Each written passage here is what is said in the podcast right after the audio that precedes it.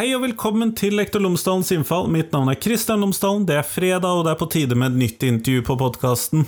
Denne episoden den handler om historisk empati, som er et begrep som vi finner i læreplanene i skolen. Eh, jeg snakker med stipendiat Helga Bjørke Harnes fra NLA-høgskolen. To NLA-episoder på en uke, med andre ord om nettopp dette temaet, og det tror jeg kan være veldig interessant. For hva er historisk empati? Og hvorfor er dette et poeng å lære? Det snakker jeg med henne om. Ellers er podkasten som alltid sponset av Cappelen Dam Undervisning, og hvis du går inn på skolen.cdu.no, så finner du alle de emnene, temaene, eh, oppleggene i det hele tatt som Cappelen Dam har laget i forbindelse med fagfornyelsen.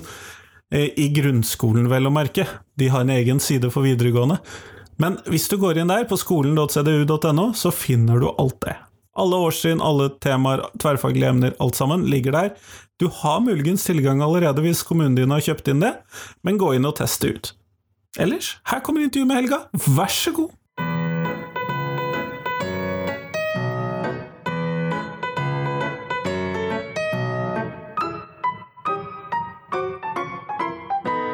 Helga Bjerke Harnes, tusen takk for at du har tatt deg tid til meg i dag. Takk for at jeg fikk lov å komme. Før vi starter selve intervjuet, så hadde jeg håpet at du kunne fortelle lytterne mine tre ting om deg selv, selv om du har vært med på podkasten tidligere. Mm, det kan jeg gjerne gjøre. Jeg tror kanskje jeg repeterer det jeg Jeg husker ikke helt hva jeg sa sist, men jeg kjenner jeg er lærer i hjertet, og så er jeg per i dag ph.d.-stipendiat. Um, av stilling, for å si det sånn. Og jeg jobber i lærerutdanning, så det får jeg jo kombinere de to tinga fint. Eh, så er jeg ganske nysgjerrig. Eh, og så er jeg lett å engasjere. Jeg tenker det kan være tre ting. Det høres ut som tre gode ting. Og i dag så skal vi snakke om historisk empati. Mm. Eh, og det er ikke et begrep som sier meg veldig mye. Nei. Eh, og du er ikke alene om det. Jeg eh, snakker av og til med både historikere og lærere på ulike nivå, og får eh, spørsmålet Hæ? Historisk empati, det er egentlig nytt for meg. Hva, hva betyr det egentlig? Eh, tillegg, eh, hvis du søker litt rundt på nettet, så er det òg en del kritiske kommentarer til det. Altså er historie kun opplevelse, eller det er for ullent, vi veit ikke hva dette betyr. Eh, men det er, det er i læreplanen nå, eh, både på grunnskolenivå og i historieplanen for um, studieforberedende. Så dette er et nytt begrep? Det har sneket seg inn og Det har kommet inn nå. Og helt nytt er det jo ikke. Historisk empati er jo ganske direkte oversatt fra det engelske 'historical empathy', som oppsto i England, 1970-tallet, og så i de neste tiåra så bretter det seg fra England og videre utover, og er nå i forskjellige nasjonale læreplaner. Så vi er ikke de eneste som driver ikke, Vi er ikke de eneste. Eh, men eh, så må en jo, når en tar det inn sånn, så må en jo prøve å tenke hva betyr dette her eh, egentlig. Vi kan jo ha en intuitiv eh, tanke om hva det betyr, men eh, ja, hva er innholdet? Hva betyr det i praksis? Eh, ja. ja, og hvis vi da starter som utgangspunkt, da, som uh, dette her, for siden vi har lånt dette begrepet fra noen andre, mm. hva er det som er tanken mm. med det? Hva er det mm. det betyr? Når jeg nå har lest en god del tidligere forskning om det, så er det Hvis en skal si det enkelt, så er det på en måte å ta den andre eller den historiske aktøren sitt perspektiv ut ifra den sin samtid. Um, og så er det omstridt, det må en vel kunne si. Altså det er veldig mange ulike forståelser av det. Uh, I tillegg så har du folk som har lyst til å skrote det og erstatte det med f.eks. Wilshot og Schipphorst. Eh, de mener rekonstruksjon av perspektiv er et bedre begrep. Altså da eh, tar du vekk litt av den her intuitive forståelsen av å leve seg inn i, eller fantasi, eller sympati. Eller, Ja, for det, det, da prøver de å være mer som hva skal vi kalle det, faktuelt orienterte, da. Ja, at en poengterer det.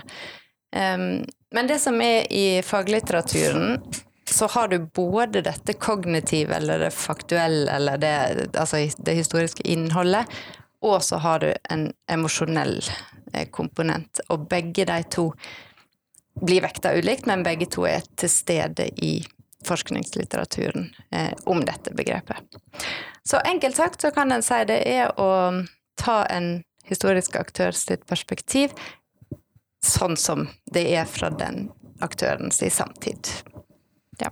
Ja, sånn at da skal vi leve oss inn i, eller i hvert fall prøve å forstå, eh, hva de spanske konkistadorene eller den amerikanske urbefolkningen, for å ta et, eh, det motsatte eksempelet, eller ste norske steinaldermennesker, hva de tenkte når de gjorde sine vurderinger, da.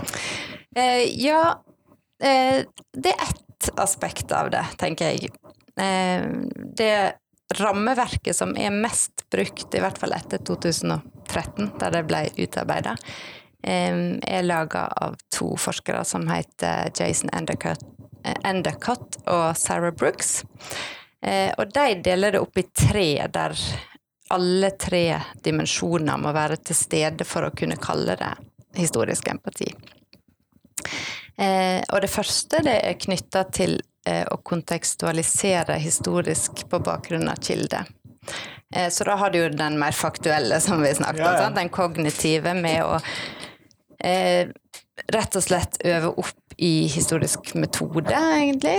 Um, og her ser vi jo den engelske tradisjonen med det å gjøre historie. Eh, Eh, og da er det å ja, lese kilder kritisk, sette det inn i sin sammenheng, eh, og så prøve å eh, Og òg første, eller primærkilde og sekundærkilde, og bygge opp en kontekst. Eh, det andre, det er perspektivtaking. Eh, så det er ut ifra denne konteksten da prøve å tenke seg fram til eh, hvordan kunne en reagert? Hvordan kunne en valgt i denne settingen? Eh, og så er det det emosjonelle aspektet, eh, som på engelsk eh, blir kalla 'affective connection', som er veldig vanskelig å finne en sånn god direkte oversettelse til norsk. Det er noe differensiering i følelsesbegreper her som mangler, tror jeg. Ja, altså det er Ja, det, det blir veldig vanskelig. Altså du kan eh, prøver Jeg har jo testa ut liksom følelsesmessig påkobling, men det, det skurrer litt. Så det jeg foreløpig eh, ønsker å bruke, er innlevelse. Og så har jo det noen virkelig vanskelige sider, fordi det blir fort knytta til eh, diktning eller fantasi, og det er jo et element av det i dette. Eh, Det Endicott og Brooks mener med det, er at elevene bruker sin egen erfaring og eh, følelsesmessige respons til å skjønne noe om hva kan den historiske aktøren ha kjent på. Det er vi jo ganske nært opp til i hvert fall kreativitet. Ja, for det er jo ikke så ofte det kommer frem, annet enn hos de få som har biografier som i større eller mindre grad dikter opp om dem igjen. Da. Eh, så mm, det de sier er at en kan eh, Hvis en har vært helt alene og har en erfaring med ensomhet, f.eks., eh, så kan en ikke si at den andre kjenner akkurat den samme ensomheten som meg, eh, men en kan eh, kjenne igjen noe av det. Altså en kan koble seg på noe av det. Og her med en gang så hører en jo at en kommer inn på eh, problematiske sider. Og da blir det jo spurt hvorfor skal dette være med som en sånn eksplisitt del av historisk empati? Er det ikke godt nok med eh, historisk rekonstruksjon av perspektiv, f.eks., som disse andre vil bruke?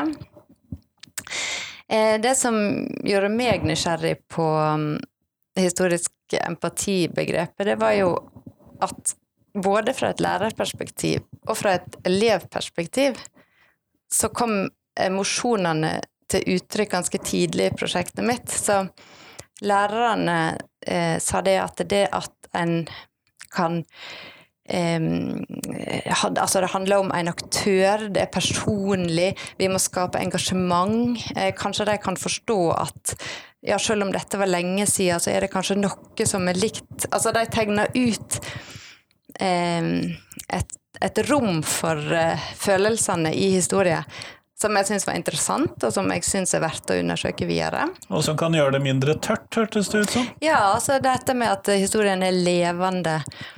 Eh, og nå kan det jo være jeg er spesiell, men eh, jeg, satt, jeg, har i hvert fall sittet over brev- og dagboknotatet og felt ei tåre fordi her var det ei som mista begge sine barn, osv. Jeg tror altså, ikke du er den eneste som har gjort det, altså. Nei, så, så det er et eller annet med eh, en emosjonell eh, dimensjon som jeg tror er til stede, enten vi vil det eller ikke.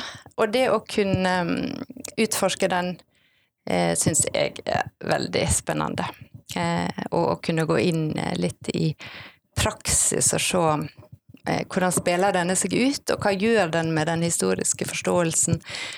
Og det her er jo ting jeg skal analysere ut i mitt materiale, så jeg har ingen svar på det akkurat nå, men jeg syns det er spennende. Det var lærerperspektivet, og fra elevperspektivet så eh, hadde jo utsagn som at jeg fikk en vond klump i magen når jeg så på dette bildet. Sant? Da er vi òg inne i emosjoner. Eh, så krevende område for så vidt, men ikke til å overse. Jeg tror det er der uh, uansett. Ja. Men, eh, og der er det jo da noen problemstillinger, og eh, som historielærer så kan jeg jo forstå verdien av at vi eh, setter oss inn i og prøver å forklare noe ut ifra Mm. Samtid og kontekst. Og mm. Det er jo ofte nødvendig for å forstå hvorfor de gjorde ting. Mm. Men eh, vil ikke dette kunne hva skal vi kalle, forsterke problemet med at vi f.eks.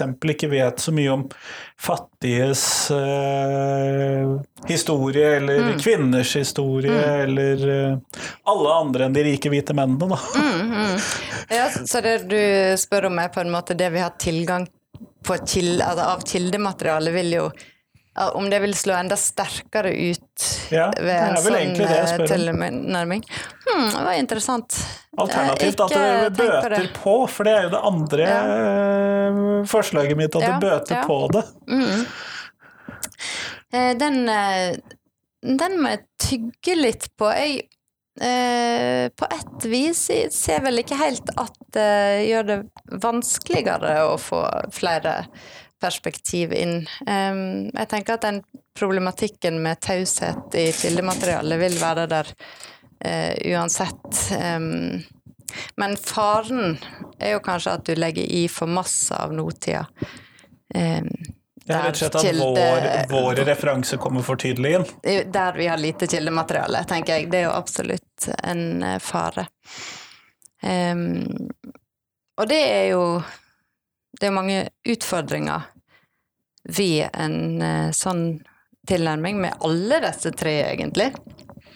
Eh, hvis, ta, hvis, vi skal fortsette litt på dette med kildemateriale, så viser jo forskning som er gjort i Finland og Sverige, som jeg tenker at vi kan grovt si at vi er i samme tradisjon som, eh, viser jo at akkurat dette med å bruke kilder og kontekstualisere er det eh, deltakerne, altså elever, er dårligst på. Eh, de forklarer jo det litt med eh, den tradisjonen vi står i, med en fokus på kanskje nasjonale, den nasjonale fortellinga. Eh, lærebok, fokus på innhold mer enn metode.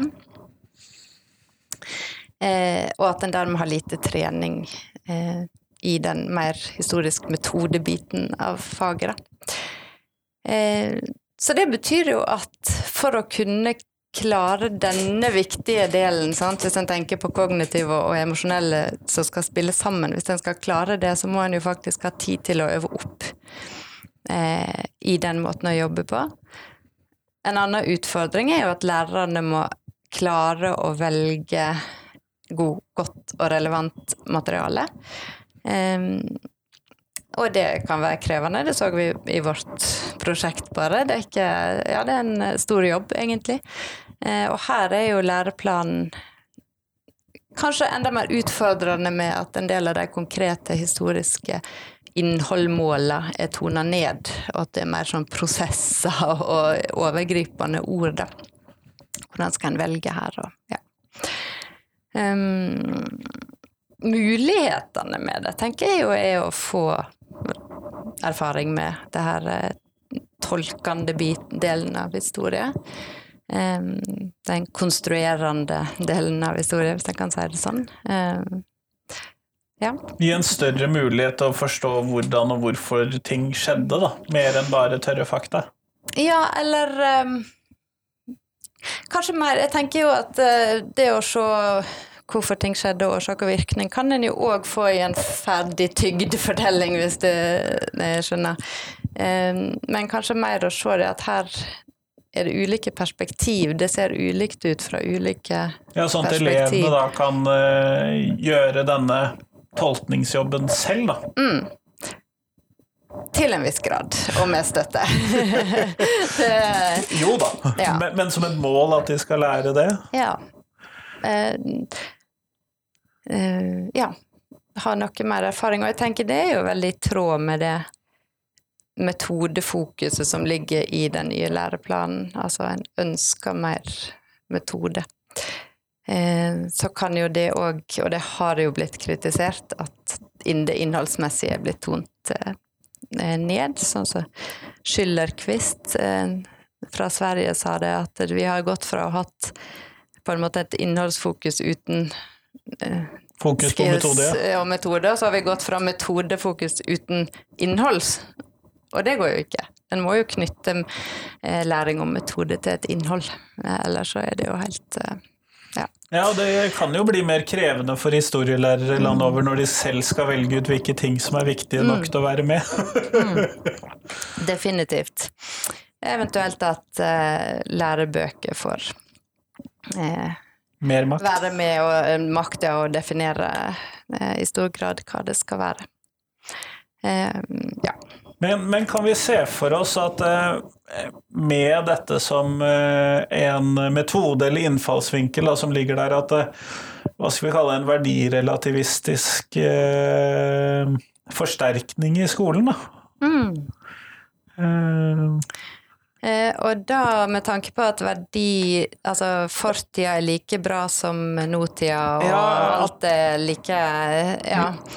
Eh, det er jo interessant at det forskninga viser i praksis, er egentlig at eh, en av fallgruvene er mer en fordømmelse av historien. De visste ikke bedre, de kunne ikke bedre? Ja, ja den type eh, utsagn. Um, eller at dette er skrekkelig, rett og slett. altså, ja. Eh, at en ikke klarer å gå utover eh, nåtida. Uh, og det kanskje henger sammen med at en kommer Ofte så tar det jo disse forskningsprosjektene som har historisk empati som utgangspunkt, tar utgangspunkt i eh, enkeltpersoner og historiske aktører. Eh, og for å på en måte skape engasjement, så er det ofte emosjonelle eller kontroversielle tema. Det kan være um, bombing av Pearl Harbor i USA. Eh, sending av barn fra Finland til Sverige under andre verdenskrig for å være trygg, eller sånn som i mitt prosjekt, da, mitt tema er kolonial imperialisme i Afrika. Temaer som er fulle av grusomme historier. Ja, og som som vekker engasjement, men som òg kan være såpass sterke at en går inn i en eh, en fordømmelse, og at en kanskje òg ønsker en fordømmelse. Eh, for eh, det kan være I mitt tema så er det jo mål i læreplanen som skal jobbe mot diskriminering og rasisme, f.eks. Så tydelige eh, moralske mål, eh, normative mål. Um, så det det er utrolig viktig, og det sa jeg vel ikke i stad, men i Endicott og Brooks sin modell, så er det i alle disse tre punktene en bevissthet om forskjellen mellom nåtid og fortid. Eh, er et viktig perspektiv eh, i alle tre. Eh, og i tillegg ikke bare fortida som den andre, hvis det ga det mening når jeg ja, ja. sa det sånn, ja. men òg bevissthet om, um, om nåtida og hva vi bærer med oss som påvirker eh, hvordan vi ser på fortida. Hadde jo et utsagn som jeg syns er interessant i materialet mitt, der jeg som sier at Altså, det, dette var jo merkelig, men det, denne fortida vi, vi, reagerer jo sterkt på den, men det kan jo ofte være vanskeligere å se problem i vår tid enn det som var for 100 år siden. Jeg tenkte det var ganske avansert uh, for en niendeklassing. Da har du oppdaga noe, tror jeg. Ja, altså det har jeg fått en uh, aha-opplevelse. Så det, det å det er, det, er, det er, en flis i, et, i en annens øye og en mm tømmerstakk i ens eget øye, som jeg har hørt om, i hvert fall. Mm, mm, yep, absolutt. Så um, uh, ja. Nei, men, eh, og Det er jo interessant, men vet vi noe om hva som var intensjonen med at man la dette til i læreplanen? Vet vi noe sånn, Har det vært argumentert noe rundt hvorfor man har valgt å ta dette med, eller er det Sånn som bare dukker opp. jeg, jeg, har ikke sett det, men heller ikke stilt akkurat det spørsmålet. Det har jeg ikke, så, Og det fikk jeg noen dager siden. Fikk jeg det samme, og jeg tenkte det er interessant. Men det vet jeg rett og slett ikke. Jeg har ikke lest noe. Heller ingen utdyping av hva det betyr. Nei. Så, det, og det syns jeg er jo litt interessant. Jeg ser at i læreplanen på videregående så er det knytta sammen til historisk empati. Nei, unnskyld. Eh, historisk bevissthet, eller historiebevissthet.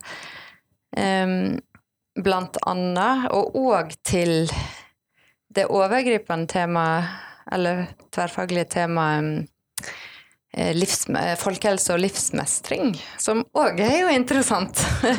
altså Jeg ville ja. umiddelbart tenkt at det hørte inn under demokrati. ja, ja.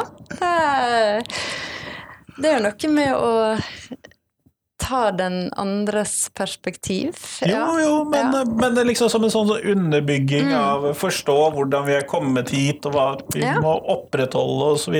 Ja. Men jo da. Interessant. Uh, det er men det at det ikke For dette historiebevissthet tror jeg at jeg kan analysere meg fram til som et mm. begrep, og som jeg har en viss sånn, hva skal vi kalle det, intuitiv forståelse for mm. hva, de, hva jeg tror de mener, i hvert fall. Eh, men den historiske empati fremstår ikke for meg som like selvsagt eller like intuitivt, da. Nei, nei. Er, og jeg må, må, jo bare si at det der er jeg enig altså, Nei, det jeg når jeg analyserer fram eh, etter å ha lest forskning, så tenker jeg at det er jo ingenting i dette som er nytt for eh, hva skal jeg si, historielærere eller historikere hver for seg.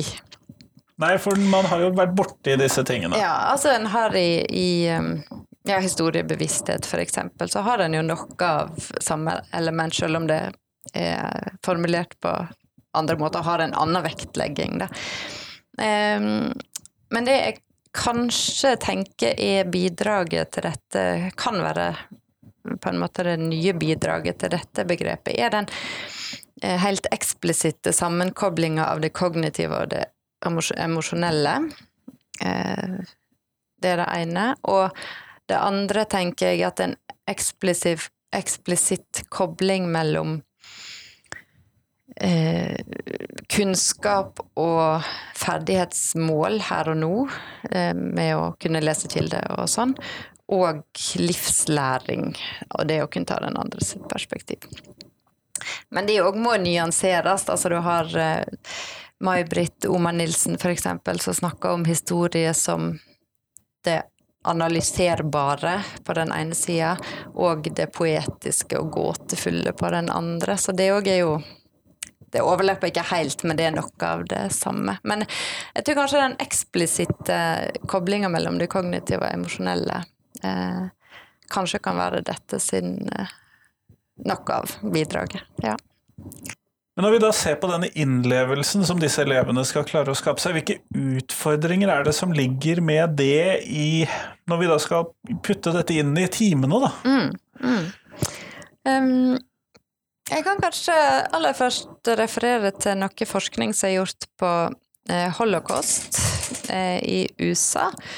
Eh, for å, hvis jeg kan trekke fram en på en måte positiv eh, side med det først. Hun Hillman heter hun, eh, argumenterer for at i hennes studenter sine prosesser så var følelsene en viktig komponent eh, i historisk læring, eh, rett og slett. så det fins eh, argument for at det fører til historisk læring. Eh, og det er jo noe som jeg har lyst til å undersøke i materialet mitt. Altså hvordan påvirker dette historisk læring? Jeg kan jo tenke meg at det gjør det lettere å relatere til det, da. Ja, og så er det jo spørsmålet da, hva relaterer en til? Er det egentlig sine egne eh, følelser en relaterer til? Eh, og det er jo noe av utfordringa eh, som forskningslitteraturen viser. Det er overidentifikasjon. Eh, jeg kan oppleve akkurat det den andre opplever. Eller mine tanker er den andre sine tanker, eller lignende. Eh, en annen utfordring er eh, at en bikker over i sympati. Å synes synd på, da? Ja. ja. En syns synd på Um, og en klarer ikke å legge til sides eh, Det kan være både med overidentifikasjon og sympati, at en klarer ikke å legge til sides hvor vondt dette gjør, eller hvor det gjør så sterkt inntrykk at en kan nesten gå i en slags sånn frys, på en måte. Eh, I tillegg så er det noen Altså har det blitt uttrykt Eh, redsel for at hvis en snakker om sympati En kan jo ikke sympatisere med nazistene, f.eks. Altså, det ja. høres i hvert fall litt vondt ut. Ja, eller, eller sympati som å, å, være enig med, eller ja. Um, uh, og så er det jo problemet at en går over i ren fantasi. Um, en kan uh, og der, der, har en jo inne dette med kilde og kontekst for å balansere til det. Um, For du må ha noe å bygge denne kreativiteten på? Riktig. sant? Eh, så hvis du sier du leverer ut klær og redskap fra vikingtida, um, og så Vær en viking.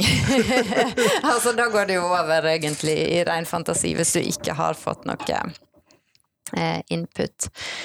Um, ja, og så er det jo dette med å fordømme eh, fortida heller enn å klare å eh, forstå de rasjonelle Eller det som i den tida var rasjonelle valg, kanskje. Eh, ja. Nettopp. Sånn at det har noen potensielle fordeler knyttet til at det kan skape en kobling eller skape en læring eller noe sånt, men at den da kan, kan være koblet på noe som vi ikke nødvendigvis ønsker. Mm. Er det sånn jeg mm. skal forstå det? Mm. Så mm, en må være bevisst eh, eh, disse fallgruvene. Eh, og jeg tenker en eh, to på en måte dimensjoner er jo dette med kontekst. Eh, arbeid skikkelig med det. Og så er det dette med forskjellen nå og da, og meg og deg. På en måte bevissthet rundt de eh, dimensjonene der. Ja. Mm. Men når vi da snakker om at dette er blitt en del av læreplanen, så er ikke dette en del av kompetansemålene? Nei, eh, og det syns jeg egentlig er et, eh, et godt valg. det, når, når, først historisk empati er en del av læreplanen, så tenker jeg at det er et såpass komplekst eh, begrep at å ha det som et eh, kompetansemål at denne timen eller disse øktene skal vi opparbeide eller fremme historisk empati, blir krevende. Eh, men det er, består av flere ferdigheter som eh, til sammen i løpet av skolegangen kanskje kan være med å fremme historisk empati.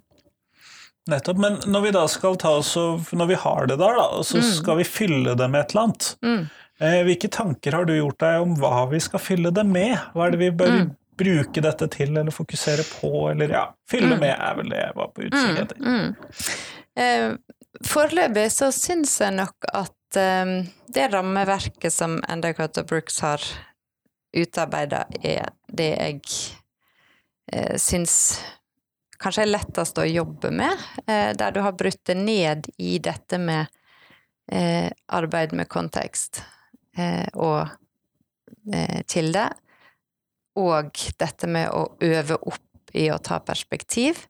Da er det både pers ulike perspektiv i fortida, men òg at vi og fortida har et ulikt perspektiv, som jeg har nevnt. Mm. eh, og så eh, dette med eh, de Altså være bevisst eh, de følelsene som oppstår, og kunne holde seg bevisst til eh, Kan de overføres eller ikke? Eh, det er forskjell på meg og den andre.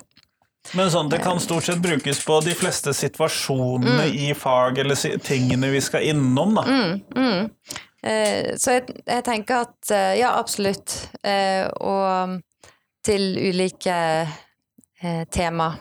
Eh, for det er jo altså, Dette kan jo overhodet ikke løsrives fra det historiske innholdet. Eh, det henger jo så tett sammen.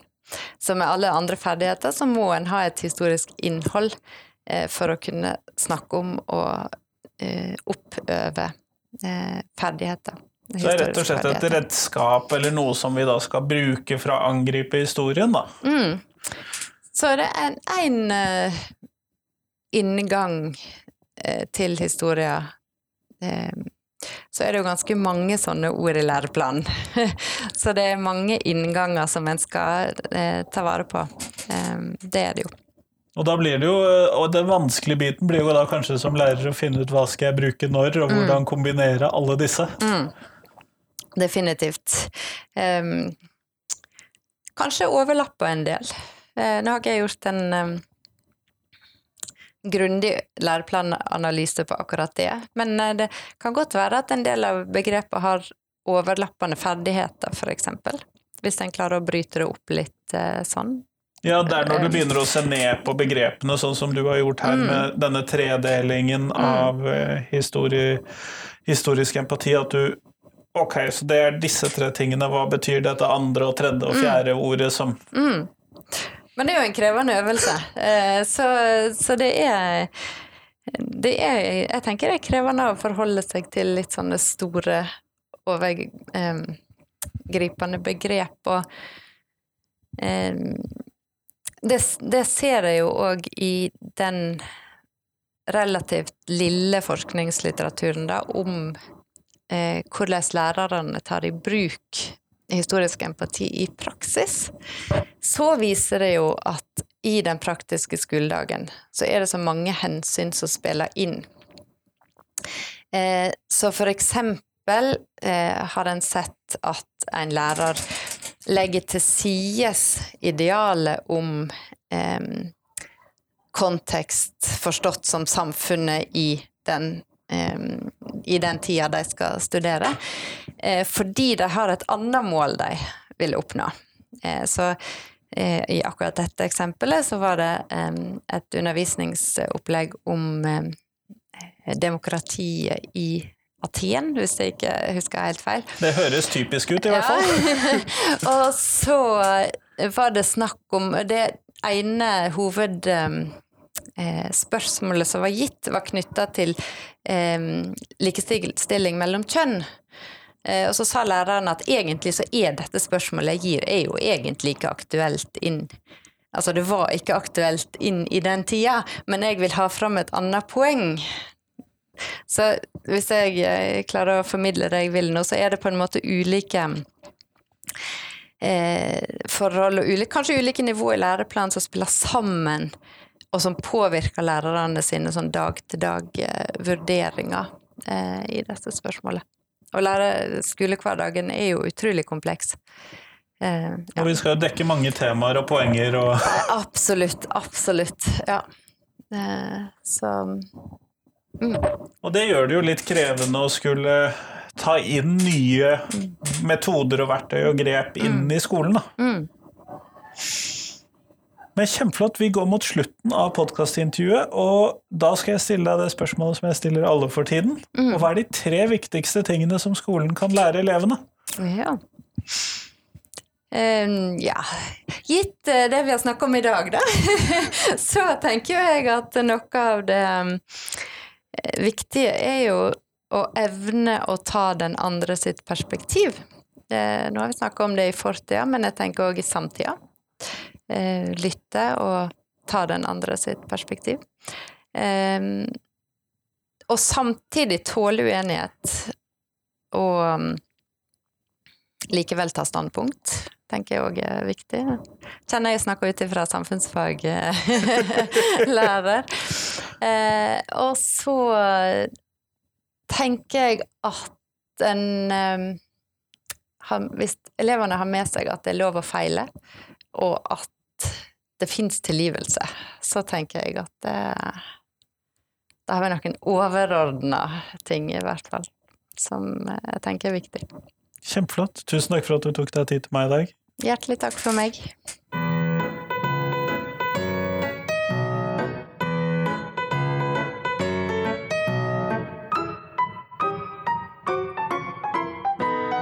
Tusen takk til Helga, og tusen takk til deg som hørte på.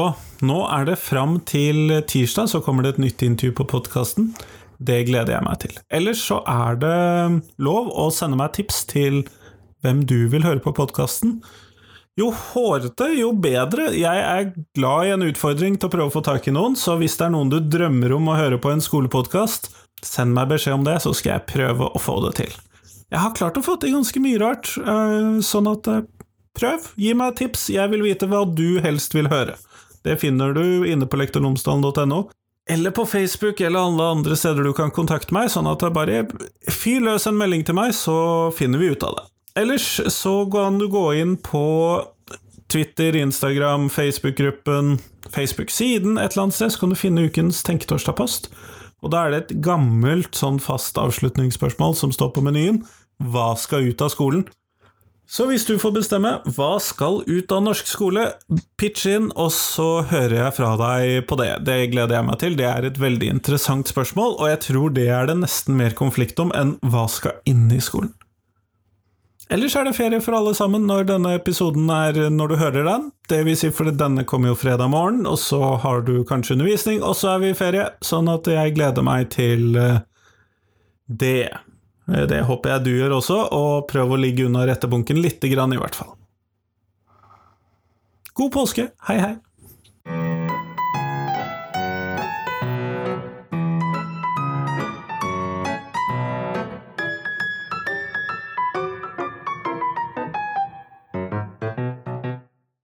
Husk det at du kan gå inn på iTunes, podkaster andre steder, og så rate podkasten. Det blir jeg kjempeglad for. Gjerne full pott, selvfølgelig. Men vi høres!